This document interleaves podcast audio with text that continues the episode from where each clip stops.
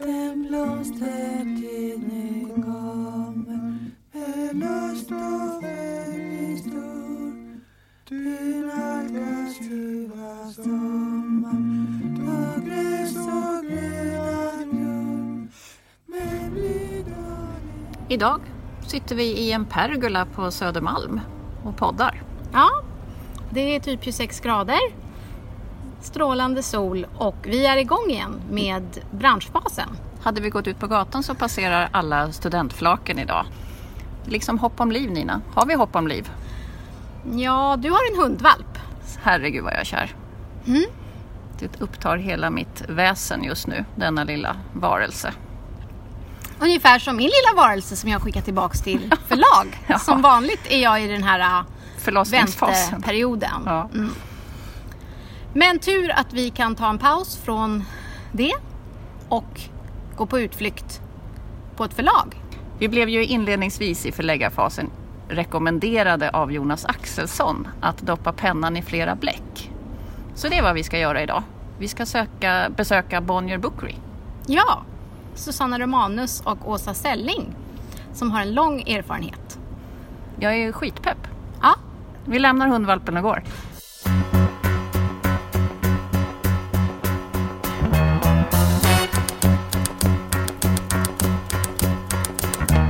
Det är jag som är Nina De är. Och det är jag som är Johanna de Valiant. Och vi tänker debutera. Eller dö. Tumble out of bed and I stumble to the kitchen. Pour myself a cup of ambition and yawn and stretch and try to come to life. Jump in the shower and the blood starts pumping. Out on the streets, the traffic starts jumping with folks like me on the job from nine to five. Working nine to five. What a way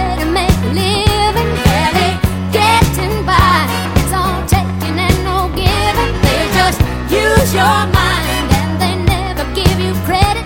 It's enough to drive you crazy if you let it.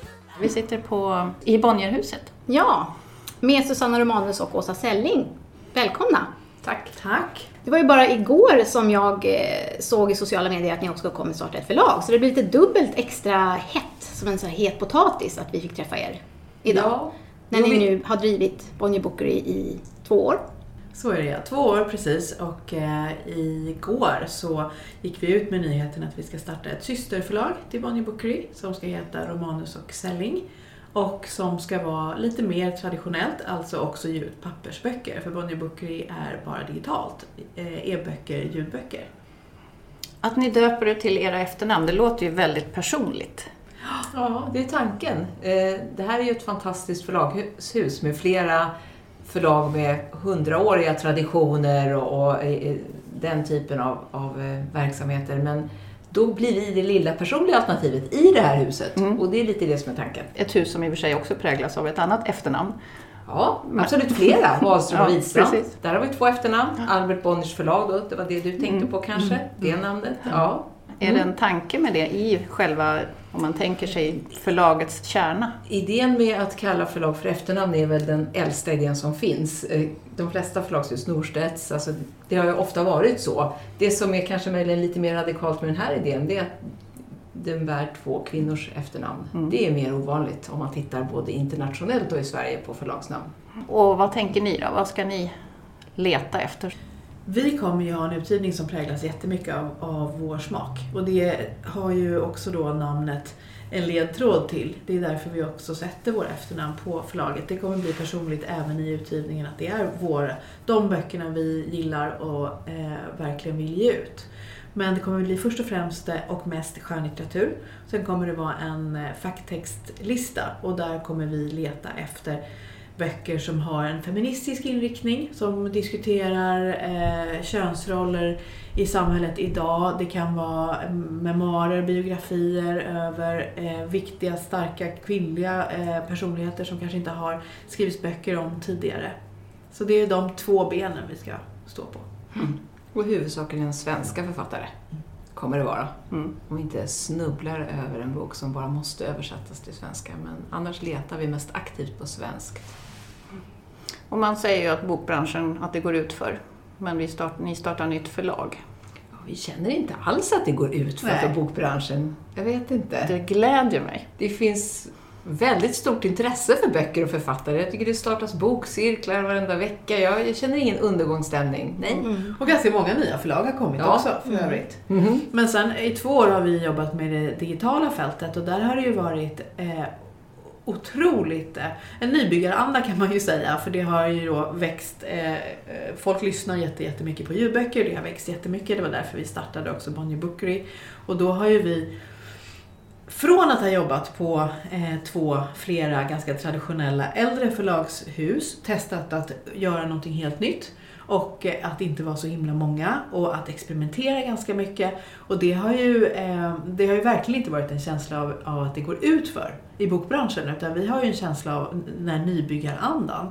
Och vi vill jättegärna ta med oss det in i det nya förlaget också. Nej, men alltså, de här två åren har varit fantastiska på det sättet att vi kommer båda då som sagt från, jag från Norstedts de senaste nästan 15 åren och du har varit här i huset på Wahlström Wistrand, Albert Bonniers och då är, det, då är det ju mycket, så här har vi alltid gjort, så här gör vi det. Det är väldigt mycket trygghet i det också. Man är ganska säker och man får väldigt mycket till sig också i kraft av sina traditioner och sin storlek och så vidare. De här sista två åren för oss har ju mer varit så här, hur ska vi göra det? Alltså, så snabba beslutsvägar och ett, ett helt annat förhållningssätt. Det har varit så otroligt uppiggande och kul för oss att, eh, att nu starta och göra det igen. Det är ju omotståndligt faktiskt. Det Väldigt, bara, det väldigt bara roligt. sprittrar glädje här inne. Att, Ja. vi, att vi inte har blivit färre som vill ge ut böcker, det tycker jag mig ha fått en klar uppfattning om. Oh ja. Men det har känts som det har blivit färre som vill ge ut dem. Vad ska man göra då för att ta sig över den här lilla tröskeln? För att bli utgiven. Ja tack. Mm. Man ska ju skriva ett jättebra manus. Nu har ju ni en fot i bokbranschen och en i ljudbok. Mm. Skillnaden då, om vi börjar där. Ja. Vad ska jag tänka på? Ja, eh, en av de sakerna som vi eh, som var viktigt för oss att ta reda på när vi drog igång var skillnaderna, precis som du frågar om. Eh, är det stora skillnader? Behöver vi prata med författarna om att skriva på ett annorlunda sätt när boken ska eh, först och främst ut i ljudbok? Och det där höll vi på med ganska mycket, för det är som sagt en viktig fråga. Och kom fram till att så stora skillnader är det inte. Det tycker vi verkligen inte. Och då jämför ju vi med ja, båda två ganska lång eh, förläggarerfarenhet och vi har jobbat med böcker som ska ut i alla möjliga olika format inklusive ljud och papper och eh, e-bok och sådär. Eh, det är några få saker som man ska tänka på när man skriver för lyssning. Men det är inte speciellt många saker som skiljer det från van, vanliga böcker om man uttrycker sig så. Om man har alldeles för, eh, om man hoppar mellan perspektiv väldigt snabbt och ganska otydligt så är det svårare för lyssnaren att hänga med än för läsaren. Det är ett exempel. Det har ju att göra med också att om man är läser och hoppar mellan massa olika perspektiv så kan man ju lätt hoppa tillbaka ganska snabbt själv. Vem är det nu och var är vi nu? Men när man lyssnar går det ju hela tiden mer linjärt och tjänsterna som finns när man lyssnar nu är ganska rudimentära så det är ganska svårt att hoppa fram och tillbaka och hitta tillbaka.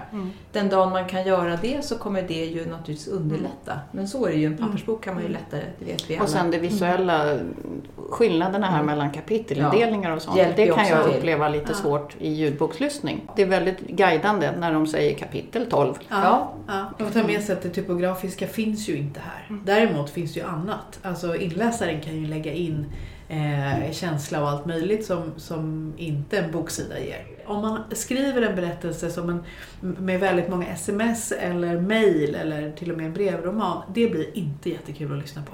Det är en sak som vi har pratat om också.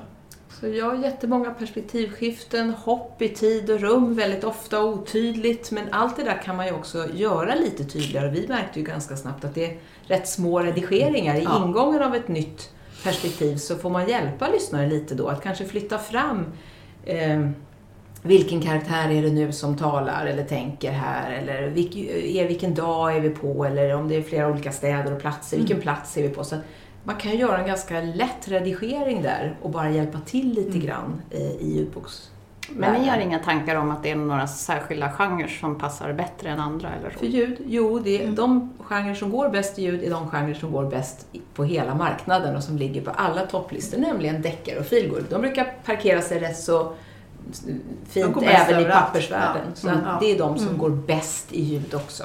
Så är det ju. Och sen är det klart att berättelser med mycket framåtrörelse, mycket driv, deckare till exempel, där kan ju möjligen också den här lyssningserfarenheten vara enklare därför att eh, det rör sig på ett ganska tydligt sätt med en tydlig dramaturgi framåt. Eh, Men måste jag lägga till en sak angående just det här med, med driv. Eh, det är ju att det är en sak att du lyssnar men vi måste också ta in att de allra flesta människorna lyssnar i en prenumerationstjänst.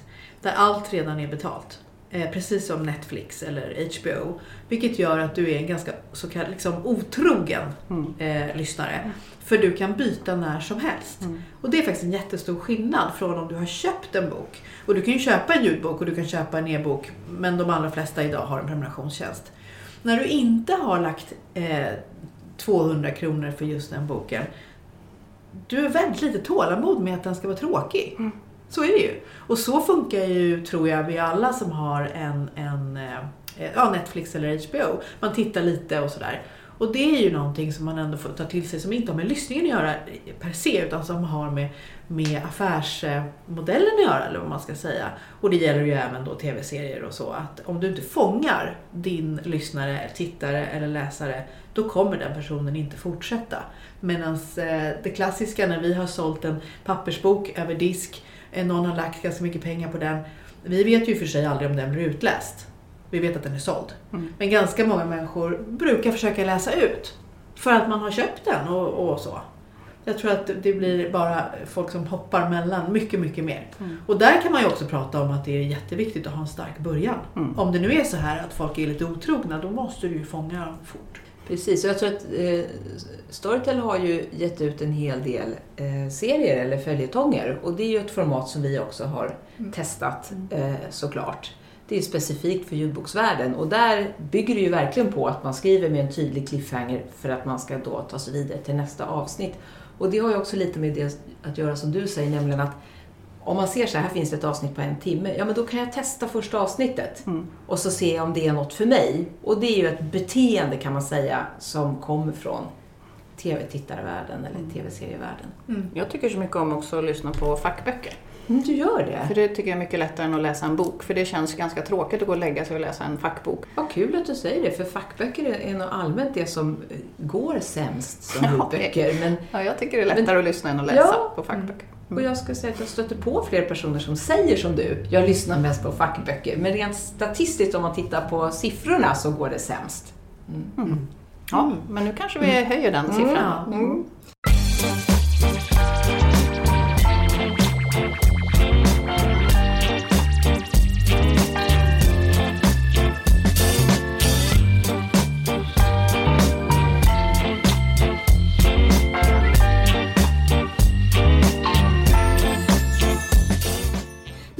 Då, vad ger er pirr på jobbet?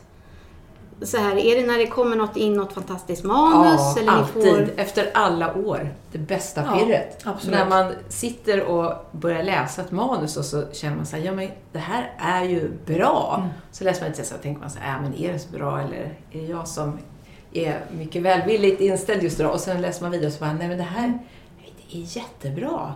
Alltså det finns inget bättre. Och det Ja. värsta pirret av alla på hela jobbet är ju att få ringa någon författare, alltså någon debutant och säga vi vill gärna ge ut ditt manus. Det är ju för en förläggare belöningen, håller du inte med? För Jo. alla lästimmar att man får ringa det samtalet. Det är underbart. det är det bästa. Fast jag tycker det samtalet är, är, är bra, men det är det där ögonblicket före. Ja. När man sitter med det manuset som man har hittat någonstans och så börjar man inse att det, är, att det höjer sig över mängden. Ja. Och, att det, och det kan ju vara man vet ju inte riktigt hur en story ska bli. Man kan börja läsa, man vet ju inte om slutet är bra eller dåligt när man börjar läsa. Men språket ser man ganska fort. Så man ser ju ganska fort att man blir alert ganska fort Ja. och känner att det här är någonting som är, höjer sig över mängden och som kanske faktiskt kan bli något. Eh, gud, du måste du hålla med mig om att man, jag kan i alla fall göra fantasier redan alldeles för tidigt kan jag göra fantasier om Gud, det här kanske vi kan ge ut redan nästa vecka, inte nästa vecka men, men jättesnart och hur ska omslaget se ut och, och allt. Ja, man börjar liksom se utgivningen framför sig. Redan på första kapitlet och sen så Ja, Ibland, kanske men det är ganska falnar, osmart. men- göra- Det är lite dumt att min hjärna gör så. För grejen är att om det är inte alls säkert att det håller hela vägen och då blir man ju så besviken. Men man vill ju så gärna eh, det. Om jag säger att det här är hoppfulla, att jag efter första kapitlet börjar se framför mig utgivningen, det är lite dum, dumt hoppfullt kanske. Men det positiva är att det ofta blir är ju en konstruktiv refus. Det vill säga att man tar kontakt och säger det höll inte hela vägen men vad tror du, eller vi tror att du kanske kan göra så här, man ger råd, man kanske börjar med en, man kanske helt enkelt startar en relation där man till slut får det till en utgivning ändå. Ja, det är ju vanligare än att någonting Ja. dyker upp ur en manushög och Det är är det fulländade mästerverket och bara kommer ut. Det är lite sällsynt, men det, det är ofta några vändor sådär. Men, men det är i alla fall de ögonblicken när man hittar ett manus som Mm. man tror på. Det är Mm. det bästa. Men ni gillar att jobba ihop eftersom Ja. ni nu vill Ja. fortsätta även i en annan form. Vad är styrkan mellan er då? Ja, vi har ju ganska lite prestige mellan oss skulle jag säga. Ja, Det är ganska, vi är Eh. ganska pragmatiska och det blir väldigt sällan så mycket dragkamper eller sådär. Så ja, vi tycker inte lika om allting. Nej. Nej men alltså vi delar ju upp, när vi tycker olika så känns det mer som att, eller då tänker jag att det blir mer, ja men då gör du det där då. Mm. Gör du Ja. det. Eller det där manuset tyckte inte jag om men du tyckte om det, det spelar ingen roll, bra då kör du den. Ja. Eh, eller vice versa. Men jag tänker en styrka är också att vi är snabba båda två. Mm. Och tar beslut snabbt. Så att eh, det- det känns som att vi avverkar hur många, många frågor som helst och det Mm. går alltid ganska kvickt och vi känner att ja men bra, då kan vi gå vidare. Och det, om man ska starta nytt så är det en otrolig fördel. Vi vill helt enkelt göra böcker. Gör vi inte böcker så blir det tråkigt. Mm. Jättetråkigt. Men det är ganska kul för det är många som har frågat oss nu sen vi började jobba om vi, om vi är kompisar, om vi kände varandra innan och så vidare.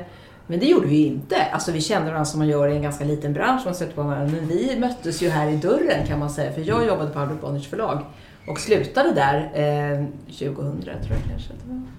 Och då efterträdde Åsa mig. Ja. Så vi möttes bokstavligen i dörren. Verkligen. Och sen var Åsa kvar här. Mm. Ja, för det var, ingen, det var inte heller en överlappningsperiod att det Nej. gick dubbelt. För det Nej. tror jag kanske inte var inne på den tiden. Jag har Nej. ingen aning. Men det var, en fan, det var å andra sidan väldigt fina mappar som du hade lämnat efter dig. Det var väldigt ordningsamt. Jo, jag skrev mycket listor och saker. Ja. Men, eh, nej, men det är lite kul. Och sen Ja. så ja, frågade Åsa om jag ville vara med och starta Bookery. Och då började vi jobba ihop och då visste vi ju egentligen inte att Inte vi skulle, det funka så här bra. Jag visste ju att hon var bra. Ja, Eh, det, visste det, det hade jag dig. ju, eh, det hade jag ju koll på, det kände jag. Ja, jag Men jag visste det. ju inte om vi skulle dra jämnt. Nej, Verkligen inte. nej, det var en chansning. Ja. Ja, fint. Eh, Hur som helst har vårt samarbete funkat strålande. Men det är väldigt kul också. Det är ju det. Det har ju varit så fantastiskt roligt och så inspirerande så att nej, vi... Ja, verkligen. Men så fick, har vi fått smak på att gå från att vara förvaltare till att vara nybyggare också. Mm. Men ni Ja. förnyar ju verkligen den här bilden av alltså Bonniers som något tungrott och långsamt med svarstider på... Alltså. Bonniers bokbranschen, tungrå. Ja, Alltså, ja, först ska ja. man skriva en bok, det tar Ja. 10 000 år och sen så ska den lämnas in och det tar 10 000 år innan man får svar och sen ska det... Mm. Allting som har med text att göra tar ju sån förbenad tid. Och sen kommer ni här som två sprättfåglar. vesslor. Men, precis, men det, det har väl varit vår, som, ja, vår fördel då när vi startat det här, att vi kan och vill vara det. Men sen får vi väl också säga att text måste ta tid. Det tar ju tid. Alltså den här snabbheten som vi sitter och talar om nu, den kan inte få finnas när man arbetar med ett manus. Då måste det ta tid om det ska bli kvalitet. Ja. Och kvalitet är alltid det viktigaste. Och jag vet inte hur många gånger jag har sagt till någon författare så här, det viktigaste är inte när boken kommer ut. Det viktigaste är att den blir bra. Det har ju varit spännande med det digitala och skilt sig väldigt. Att här kan man ju anta en bok, göra den och sen kan man ju ha den ute veckan därpå om man så önskar. Och inte beroende av att man ska ha en podieplats på Men Akademibokhandeln. de och digitala återförsäljarna säger liksom att de gärna vill höra om böckerna kort inpå. Kanske en månad innan räcker för dem. Medan eh, de fysiska har ju kanske velat höra om böckerna åtta månader innan. Eller Mm. mer. Ja, och, och samma gäller ju lite grann då för det som är viktigt för böcker för att nå ut, nämligen media och sådana Mm. saker. Att eh, man träffar de här redaktionerna. Så om vi säger att Babel och Skavlan är de viktigaste platserna att synas på, eh, om det är en framgångsfaktor, då, då måste man kanske träffa de redaktionerna. De planerar kanske sina program ganska långt i förväg. Så det saktar möjligen upp en bransch som annars skulle kunna vara lite snabbare egentligen. Jag vet Vi har inte. alltid snackat om att visualisera TV4-soffan. Vi får ändra till Babel. Det kanske är mer cred. Ja, men det är väl en soffa? Ja, Eller de men morgonsoffan brukar ja. man säga, absolut. Morgonsoffan har varit väldigt bra. Nu finns väl inte morgonsoffan i SVT längre. De har ändrat sitt morgonprogram. Så då är det TV4-soffan. Den kan vara det bästa för vissa böcker och Babel kan det väl vara det bästa för andra böcker. Och Skavlan tycks vara det bästa för alla böcker. Eller vad säger du? Ja. Men ni gör lite mer av allt då nu? Om man säger PR. Alltså att ni måste sitta på fler stolar samtidigt? Det är mycket lättare för oss att komma ut och prata om våra böcker. För vi har liksom varit med hela vägen och brinna för dem. Eh, än eh, kanske för en kommunikationsavdelning eller säljavdelning som har, jag vet inte hur många böcker som ges ut i det här huset, men det är jättemånga. Så.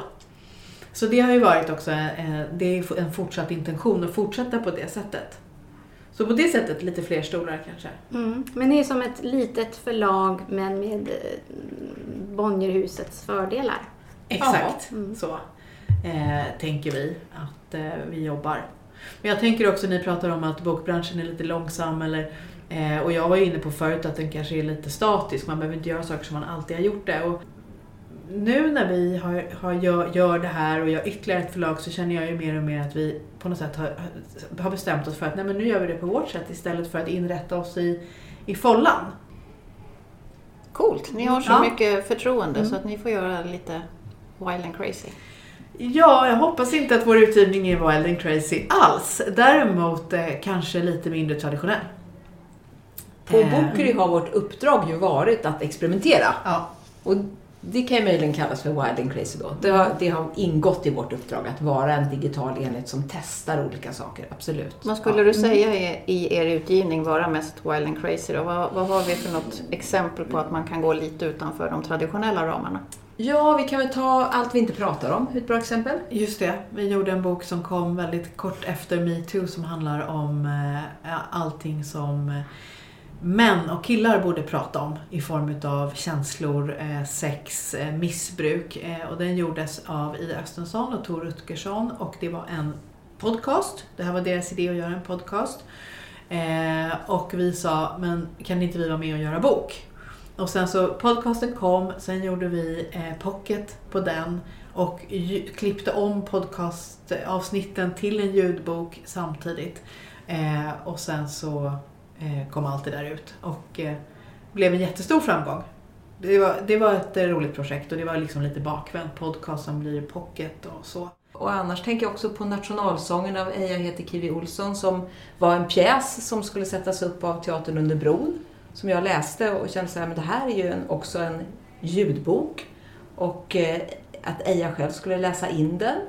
Och hon gjorde det och det manus tror jag vi hade på försommaren och pjäsen skulle ha premiär i augusti. Och då samtidigt släppte vi den som ljudbok och e-bok en vecka efter pjäspremiären. Det var ju väldigt snabbt marscherat också. Och trots att det var mitt i sommaren. Och det, det kanske också, man kan känna sig nej det här går inte kanske man tänker. Men det går. Ja, vi har experimenterat en del med just vad man ska ha för inläsarröster. Eh, och Godhetsbrigaden som är en bok som är skriven av Pernilla Glaser. Det är en följetong. Eh, hon kom med själva idén, själva eh, romanidén. Och sen pratade vi oss fram till att det skulle bli en följetong och det var ett kärlekspar. Och de, eh, hon, hon var inne på att de skulle blogga och då sa vi nej men det är inte bättre att de gör en podd i boken. Eh, och berättar en historia. Och sen så sa vi det är två olika röster och då ska vi ha skådespelare, en tjej och en kille naturligtvis som ska prata eh, i de här då vari, varierade avsnitten och sådär. Det blev, och dessutom i och med att de då var de här karaktärerna så behöver de ju också regi. Det är inte bara som att läsa in en bok om du ska vara Lydia eller Ronny som de heter. Eh, och det blev ett väldigt stort projekt på det sättet att det, vi har både musik, vi har liksom deras fejkade poddavsnitt, vi har två skådisar, Nora Refai och Rasmus Lutander som var här i vår studio och läste in. Vi har en eh, dramacoach som, som hjälpte dem och eh, det blev jätte, jätte, jättebra lyssning tycker jag verkligen. Men det var också lärorikt för att det var svårt. Eh, och i dagsläget är det väl egentligen bara Sveriges Radio som gör sånt här i Sverige. Det har slagit mig så ofta, jag som är så stor ljudbokslyssnare, att man gör så lite av att det går att ha, liksom, formatet är så inbjudande till att göra mer dramaturgi kring det. Ja. Men det är alltid bara en röst som läser istället för att det är rollspel eller ljud eller pling eller ljudeffekter.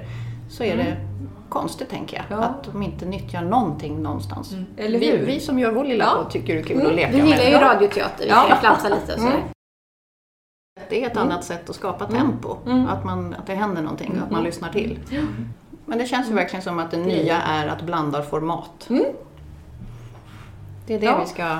Man ska inte vara så strikt i Nej. att man skriver en bok. Nej, jag tycker inte det. Och vi tänker väl med vårt nya nu då, Romanus och Selling, att vi vill ha med oss det där eh, synsättet. Att eh, man kanske kan börja man kanske kan börja digitalt och testa och sen gå över i papper eller tvärtom. Alltså att vi, vi ska ta från fall till fall. Och, Vad som passar boken. ja, mm. Men sen är det ju så här att det blir ju lätt, eh, vi som jobbar på förlag kan ju lätt fastna i att vi kanske pratar om saker som är lite branschiga och sådär. Men egentligen så är det ju inte konstigare än att berättelsen, alltså den, det manus som man har skrivit eller den grundtexten måste vara jättebra för att det ska bli bra. Sen kan man ge ut det hur som helst. Är det inte bra så är det inte bra.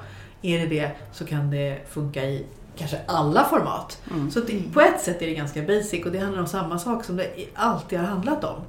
Men utanpå verket går det att göra ganska mycket med. Och att nå publik är eh, ju liksom en annan fråga. Det är väl där experimenten ligger ganska mycket. Det är ju verkligen de där orden som författarna sätter på papper och som vi kanske hjälper till att förädla som gör om det blir, en, eh, om det blir bra eller inte. Och tillbaks till det.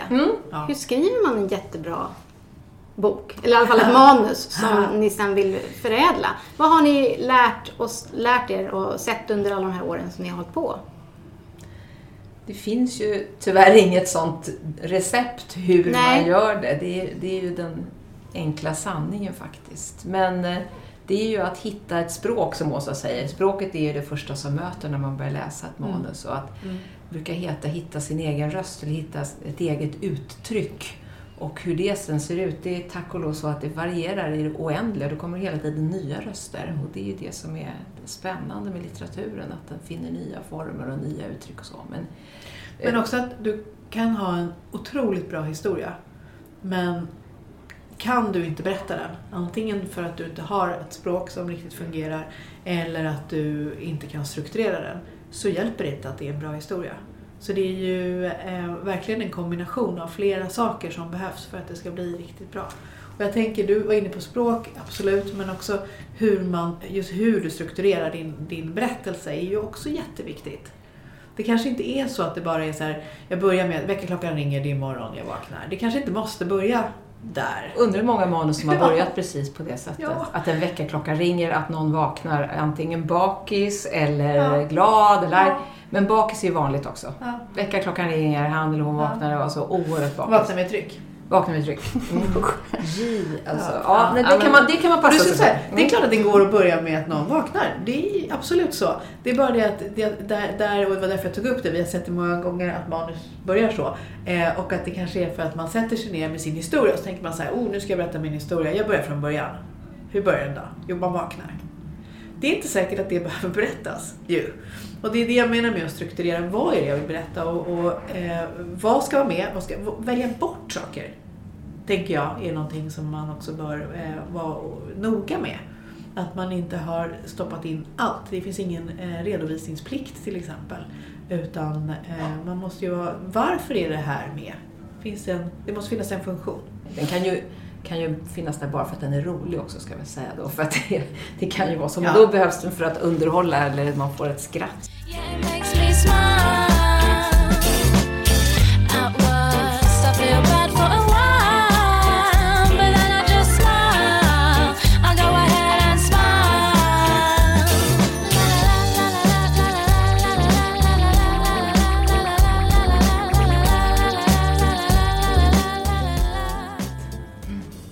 Följebrevet är lika viktigt som vanligt eller tycker ni att det är oviktigt? Eller vad säger ni två som... Eh, jag tycker inte alls att det är oviktigt. Eh, jag tycker eh, att det, man ska ha ett följebrev och jag tycker att det är jättebra om man berättar lite om sig själv och vad man har gjort. Framförallt om det är saker som har med skrivande att göra så är det klart att det är relevant att det står i följebrevet. Och sen eh, att man kanske skriver några rader om vad det är för typ av manus man har skickat in. Men jag tycker inte det behöver vara mycket mer än så. Nej, handlingen behöver man absolut inte Nej. redogöra för. Nej. Och är- man behöver inte heller redogöra för sin familjestatus eh, eller sina husdjur.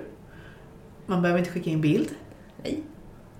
Men det det bara nämner jag saker som kan komma. Ja. Ja, men det kan ju räcka också med så här, hej jag har skrivit ett manus, det heter så här, Ja. jag hoppas att ni tycker om det. Det går an. Man börjar ändå sen läsa manuset Ja. så att det, är, det är inte så att man inte kommer bli utgiven för att man skrev ett för kort följebrev. Nej. Förr var det ju lite roligare måste jag säga när man jobbar för då fick man, nu kommer ju alla manus in digitalt. Mm. Då blir de ju lite mer anonyma.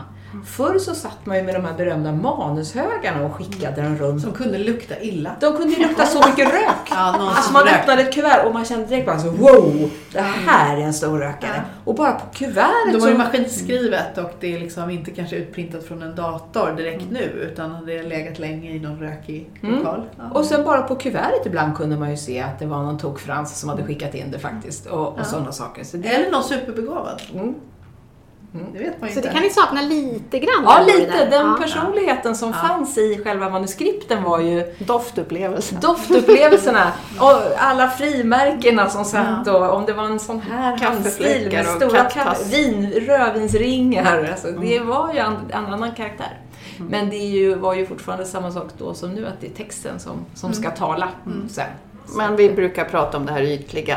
Hur viktig är författaren bakom idag, 2019?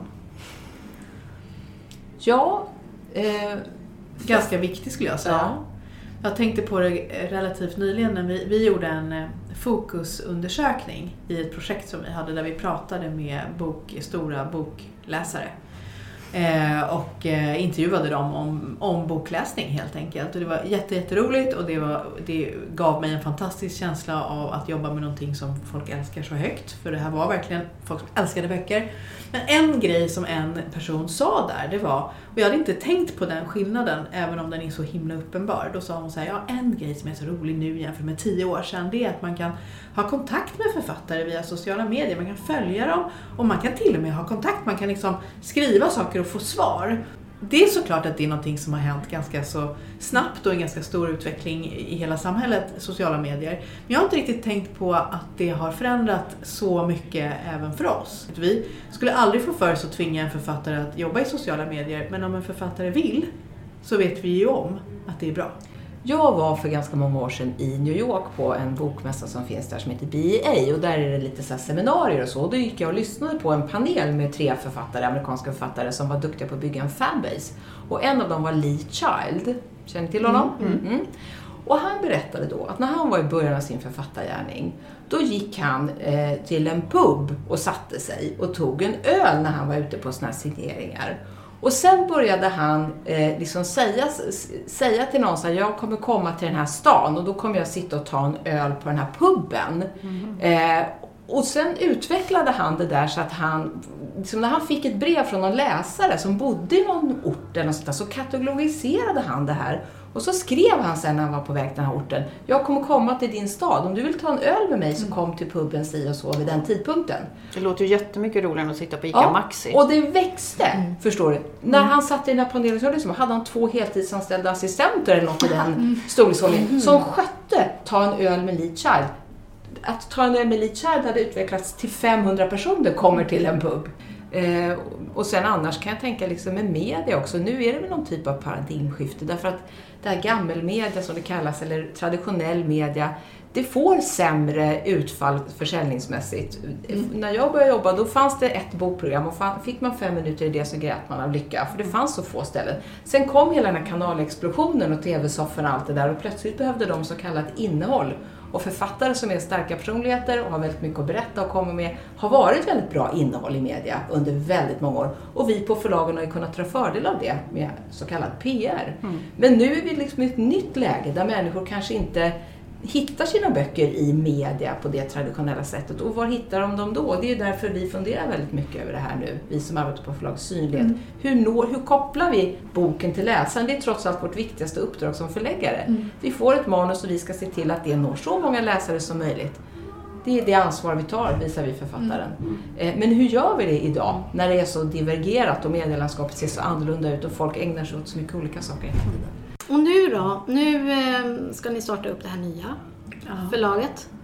Vad, vad blir liksom första dagen på jobbet på, på, på nya förlaget? Vad gör man då? Och det har är ju idag. Det är ju vi Mm. Det träffar det ju idag? Ja. Ja, det är ju idag. Ja, ja, ja. Nej men första dagen på jobbet eller första tiden på jobbet eh, blir ju att skapa en utgivning för nästa år. Mm. Så är det ju. Och det kan man ju göra på diverse olika sätt men i grund och botten handlar det ju om att läsa manus. Så det är väl det. Och nu har ni noll. Noll vi har fått utgivning. några. Ja, har ni öppnat en manus eh, Alltså har ni hunnit få in något? Från, Nej. sen igår så fick vi Oj. några manus ja. Ja. Fick ni? Ja. Wow, folk är snabba. Ja, vi visste ju att den dagen vi gick ut och berättade om det så ville vi ha en manusbox. Så Ja. den fanns ju där då. Har ni hunnit läsa något av dem? Nej, Nej. inte idag. Nej, vi har Men- bara öppnat Mm. i stort sett. Men eh, det är ju sommar nu, det är ju väl läsningstiden. Vad spännande, för Mm. det där kan man ju dividera om när man sitter på skrivskolor eller sen när man är en sån som skickar in. När man egentligen ska skicka in Mm, och ja. vad som händer när man har tryckt på skicka. Just det. Ja. Ja. en, Ja. en tuff tid för förläggare är ju augusti. Då har väldigt många som skriver haft tid. eh, För oftast har man ju kanske ett annat jobb. Och så har man semester och då passar man på att skriva färdigt ett manus man arbetar med och så skickar man in i augusti. Då har vi enorma eh, toppar av manus. Ja. Så skickar man in då så får man bereda sig på en längre väntan. Samma Det sak är också då gäller efter bokhösten jul. börjar Ja. och sen är det bokmässa Ja. och sådana saker. Ja. Så att därför är ju, om man skickar i augusti, vilket många gör, det är Ja. begripligt, så är det ju kanske inte det bästa gången för att få snabbt svar. Nej, och samma efter jul. Är det lättare Det att ni säger nej när ni har stor hög? Jag hoppas inte det. Nej. Nej. Att få nej går ju mycket snabbare än att få ja. Det ska man också tänka på. För att ne- nej kan gå ganska snabbt, men manus som blir antagna har oftast lästs av flera. Om jag läser ett manus och så tänker jag så här, och det här borde vi anta, då är det ju så att man ska helst låta andra läsa också. De besluten ska fattas på grundval av kanske minst två läsare. Då vill Ja. man ha en lektör man kopplar in eller man vill fråga Åsa, kan du också läsa det här manuset? Ja. Så att jag tar längre tid. Och det kanske är Precis, bra. Det positiva tar längre tid, Mm. absolut. Ja. Hur känner du för det här beskedet Nina? Nej, men jag är rätt nöjd. Jag brukar skicka in i maj. Mm. Ja. Men nu har jag bara skickat till ett förlag. Jag försöker närma mig så här personlig kontakt. Mm. Ja. Det är bra. Eh, jag kan tycka när man har försökt i några år att man behöver lyssna noga på den feedback man får och lyckas kanalisera den genom sitt eget system Det är ju och sant. återvända. Men jag Men det är inte klokt. man ska skicka till ett förlag bara. Nej, nej. Men det kan vara ibland att man har gjort ändringar på ett visst sätt. Ja. Som man vet att just det förlaget Ja. vill ha. För det känner jag efter att ha skickat in några romaner. Att man får ju väldigt olika respons. Att Ja. vi tycker du ska ta bort det och någon annan säger Ja. vi ska förhöja det. Och så. Måste jag då välja vad jag ska lyssna på. Mm. Och ibland har jag försökt göra båda men så har inget blivit riktigt. Nej, det är svårt. Alltså, ja.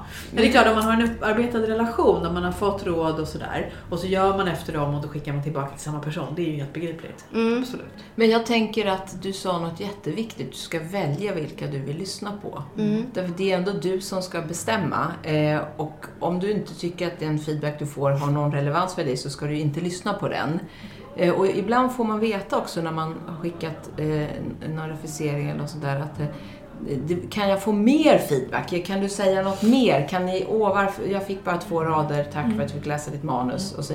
Men grejen är just med den här feedbacken att om man ska skicka feedback till någon så måste man ta ansvar för den feedbacken. Att, den faktiskt, att man faktiskt har på riktigt tänkt till och tycker så här. För att som du säger, man lyssnar på feedbacken och, och det går inte att bara leverera lite feedback. Och folk frågar ofta så här, hur långt läser ni manusen? Läser ni verkligen alla manus och så vidare?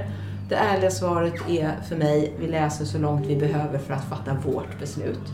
Och vårt beslut kan vara annorlunda än något annat förlags beslut, för det är inte någon riktigt objektiv, utan det är en ganska subjektiv verksamhet också.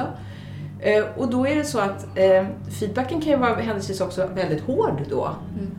Och den kan ju förstöra för en människa fullständigt, så man har ju ganska stort ansvar. Och man kan inte bara haspla ur sig lite feedback för att det ska bli ett längre refuseringsbrev. Nej. Det ska jag säga helt förkastligt faktiskt. För om det landar hos en människa som du säger som får olika feedback eh, och börjar lyssna på det här och det är inte någonting genomtänkt i det så kan det ju få förödande konsekvenser för den som skriver. Så att då är det ju bättre att inte ge någon feedback. Det, det där var bra. Det behövde vi höra. Ja, bra. Ja. Mm. Ja, gårdsfesten här eh, börjar tillta Ja, det- utanför. ja, visst. Men det var otroligt kul att få träffa er. Ja, vad kul att Jättekul träffa att er ni- också.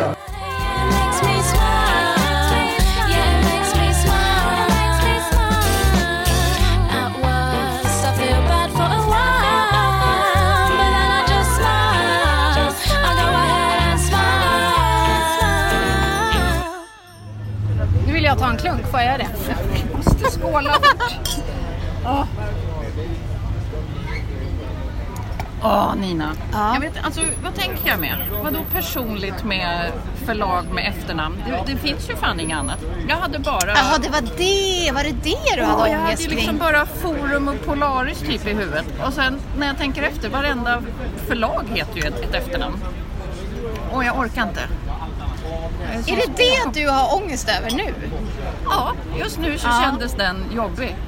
För de såg ut som frågetecken och jag förstår det. För, för hela bokbranschen bygger på efternamn. Men det är väl för att de andra namnen är så inarbetade så att man tänker inte på dem som eh, privata efternamn. Egennamn. Utan som företag. Tack Nina. Jag, jag får ta det till mig. Så jag kan Det var en bra intervju. Det var bra. Du gjorde bra. Tack. Skål. Igen. För övrigt, fan att jag inte har något manus att skicka. Det var ju nu jag skulle komma med Det har du väl? Ja, men det är ett annat. Det har jag jobbat om för någon annan. Jag måste skriva något nytt. Snabbt. De där vill man ju jobba med. Eller hur? Gud vilka fina, glada, inspirerande, energiska. Ja, det kändes verkligen att de var på författarnas sida och att de brann. De brann och när vi passerade det här kontorslandskapet, tio över fem dag innan röd dag och alla satt och knattrade. Det var ingen som var på väg hem. De verkar älska sitt jobb. Tänk att få älska sitt jobb. Studentflaken eh, passerar i Stridström. Ja, Sveavägen i början på juni, här får man verkligen känna sig levande. Gosh. Det är annat än lugnet i Trosa. Ja, vad har du för eh, planer? Debutera eller dö-planer? Ska du dö eller debutera eller någonstans mitt emellan? Jag vill bara, bara ha lugn och ro. Är det ett roligt mål tycker du?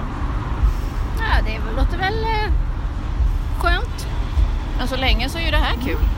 Ja, och vi kommer fortsätta. Det är också kul. Det är också kul. Och vi har nya planer. Vi har faktiskt nya bokningar. Ja, Hör ni oss här? Fast det kommer förbi nu lastbilar kom med. det en eh, kolleverans här också. Det är precis vad man behöver nu. Lite kol. Två förläggarintervjuer till har vi bokat. Ja, Carina Nunstedt på HarperCollins. Det ska bli spännande Ja. inför festivalsommaren också. Och jag tänker att den eh, lilla hemliga gästen på vårt, eh, vad ska vi säga, fruktbolag. Ja, coming up. Men, så länge, vad ska du göra i sommar nu då Nina? Eh, jag ska titta på barn som badar och sånt där. Skriva nytt och vänta på gammalt. Försöka att inte dö. Vi dör inte utan vi dansar bara ut här tillsammans med studentflak E3B i Vasaskolan. Grattis! Grattis till dem! Så hörs vi igen. Tjing! Tjing!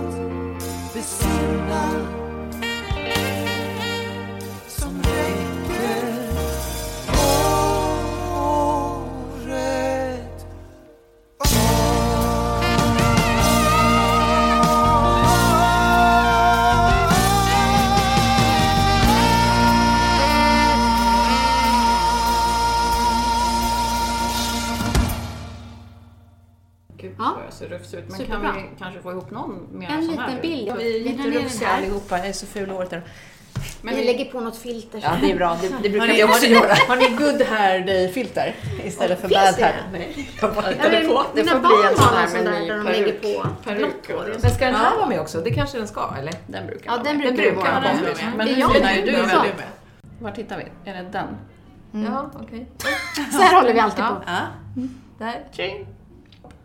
Oj, jag fick i håret i hela ansiktet. Vänta.